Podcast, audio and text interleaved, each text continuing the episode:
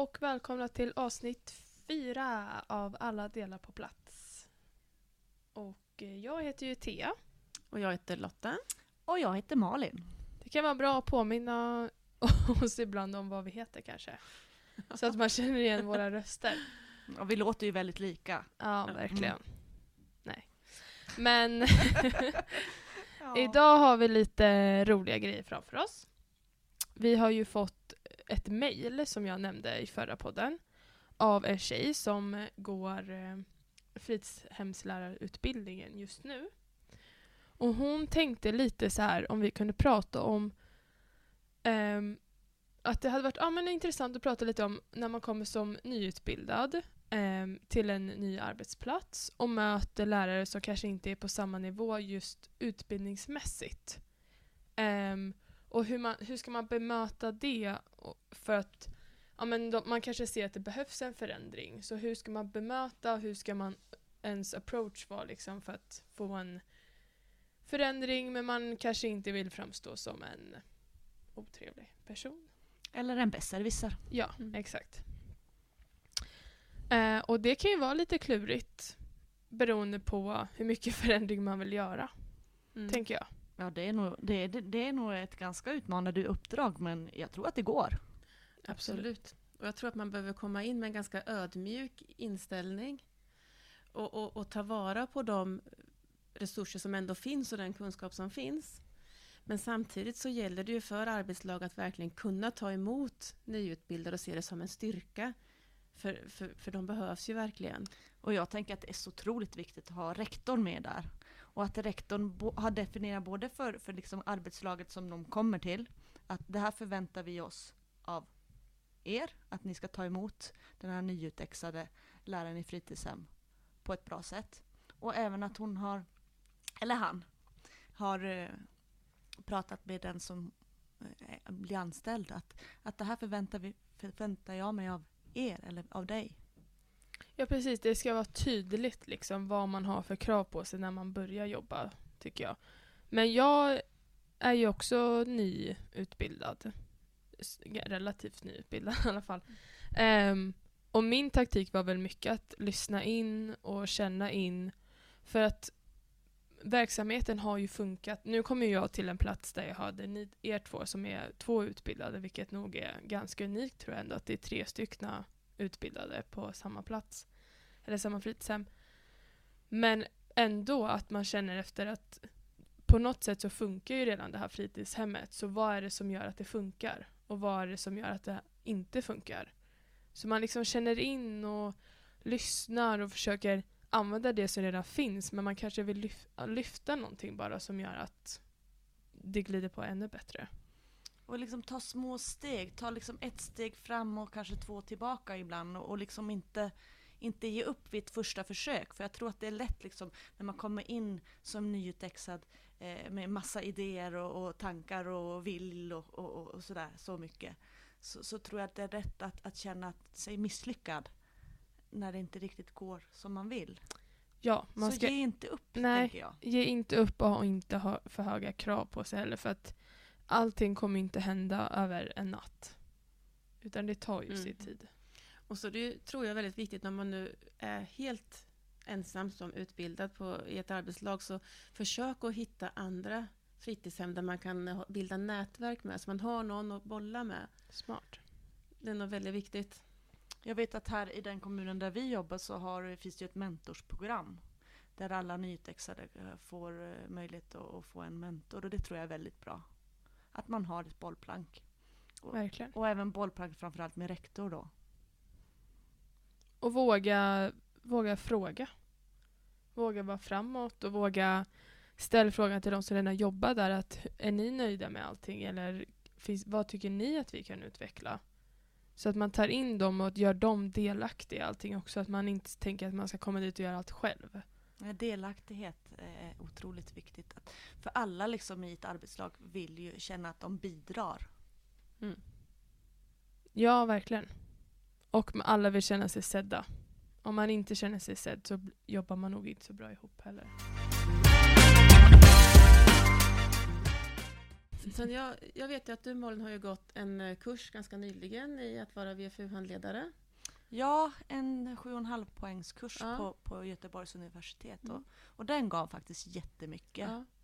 Och jag vet också att du skrev en superintressant essä som en av uppgifterna i, i kursen.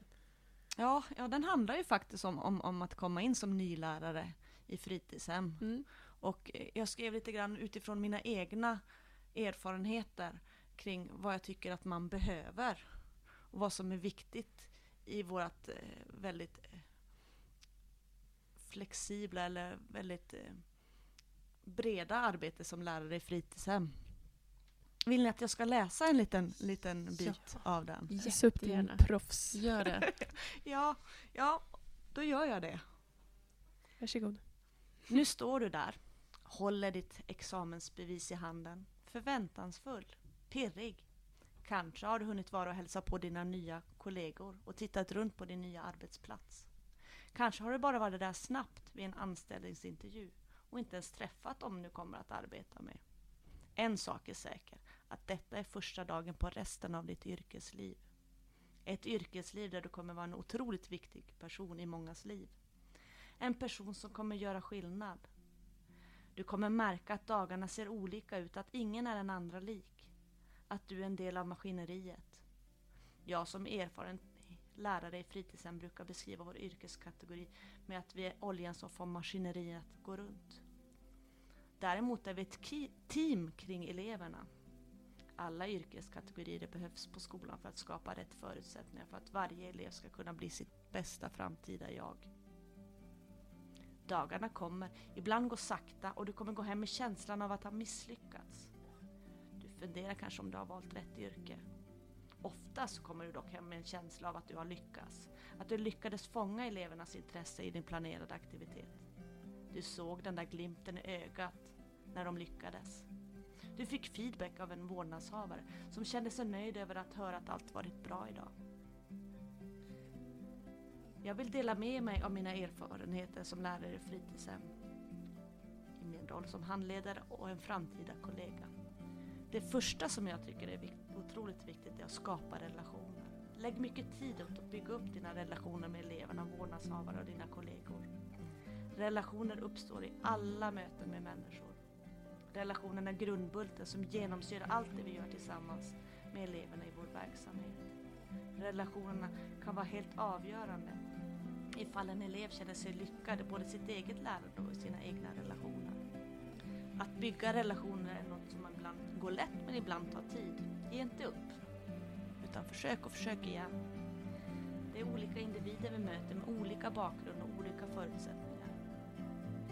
För att har du skaffat dig goda relationer med elever, vårdnadshavare och kollegor finns alla förutsättningar för att lyckas med ditt uppdrag och alla svårigheter du kommer att möta blir lättare att komma vidare i.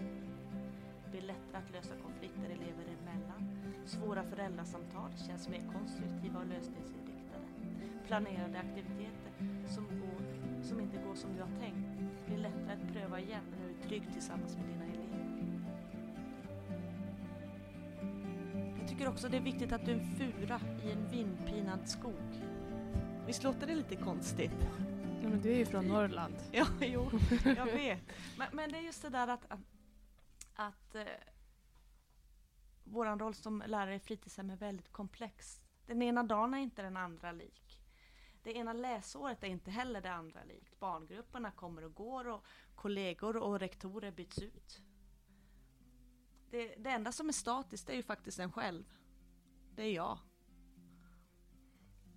Och jag som, som lärare i fritidshem kan ju vara den viktigaste personen i en elevs dag och, och man ska lära och leda andra. Och det du har tänkt och planerat en dag kan ju helt plötsligt ta en ny riktning. En våg av magsjuka kan ju komma eller eh, en pandemi där kollegorna behöver vara hemma vid minsta tillstymmelse till förkylningssymptom. Du kan behöva rucka din planering och du behöver tänka nytt. Att ha det där esset i rockärmen och en andra planering och beredd att styra om sin planering och vara flexibel. Du behöver vara den där tryggheten eh, när det råder kaos runt omkring dig. Du behöver behålla ditt lugn för det skapar ett trygghet för eleverna. Du kanske känner dig stressad, men eleverna känner inte av det för de är trygga med dig. Du är den där furan som står pall när det råder full storm runt omkring dig. Det är lite gåshud på den. Ja, men den, är- den beskriver den här yrkesrollen så väl. Den här Ja. komplexiteten vi möter varje dag. Att oftast blir det ju faktiskt inte som man tänkt sig precis. Nej. Men det blir en bra dag ändå. Ja, och jag har ju läst hela den här texten och som nyutbildad också och liksom det här första halvåret eller snart året jag har jobbat, det, jag känner igen mig så mycket. Ehm, så att det, ja, om man är, håller på att utbilda sig eller är nyutbildad och lyssnat så ta åt er det som Malin läste för det, Jag för mig om man- öppnade det upp lite. Oj, förlåt, nu avbröt jag dig Thea. Men det är okej. Men jag vet inte om man kan lägga upp, för jag har skrivit lite mer också kring, kring att vara nylärare i fritidshem. Jag vet inte om jag kan lägga upp Mm. den någonstans där ni kan också få tillgång till den. Vi har ju startat en Facebook-sida. Ja, men kanske ska lägga upp den där då och Ja, komma igång med inte, det. Precis, vi har ju inte riktigt väckt den till liv ordentligt. Men eh, vi får väl göra det. Så kan vi lägga upp den där. Och där kanske man också kan kommentera och, och ställa frågor. Oh ja. Och fortsätt skicka mejl till oss ifall man tänker på något. Det kan vara ja, med allt mellan himmel och jord. Och, och var inte rädd, alltså vi har ju världens bästa jobb. Det finns en anledning till att jag och Lotta är kvar här. Att vi liksom har fortfarande glädjen att möta en ny arbetsdag, även fast vi har jobbat. I hundra år. Åh, Ja. men, Ihop snart, ja. ja, och, och, och- det är ett fantastiskt roligt yrke. Mm. Ja, så ni som håller på att utbilda er, ni, ni har valt rätt. Det kan vi säga. Absolut. För det finns ju faktiskt inte en dag där man känner att Åh, vad trist att gå till jobbet. Nej. Det kan finnas tunga dagar och det kan finnas dagar då man känner att man har misslyckats. Men, men att skapa en atmosfär i arbetslaget där man får misslyckas tror jag också är väldigt viktigt. För här får vi prova. Vi får prova våra idéer. Och går det åt skogen så, ja men då provar vi igen på ett annat sätt en annan dag. Absolut, Verkligen. och just det där att, att, att förmågan att växeldra. Det Ja. brukar vi prata om mycket. Just det där att, att har jag en dag som, som, som jag känner mig lite nere och lite... Ja, men ambitionsnivån ligger inte där jag önskar att, att vara. Så, så steppar ju ni in. Ja. Och, och det är vi ganska öppna med. Verkligen. Jo men det känns skönt. Man kan säga på morgonen att det här är nog ingen bra dag. Nej, men då behöver inte jag vara den kanske som drar i aktiviteterna främst utan då kan man hjälpas åt liksom.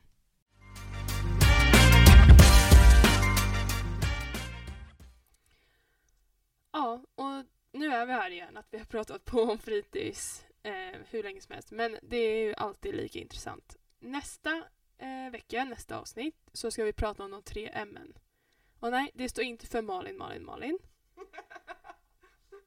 Tror det eller ej.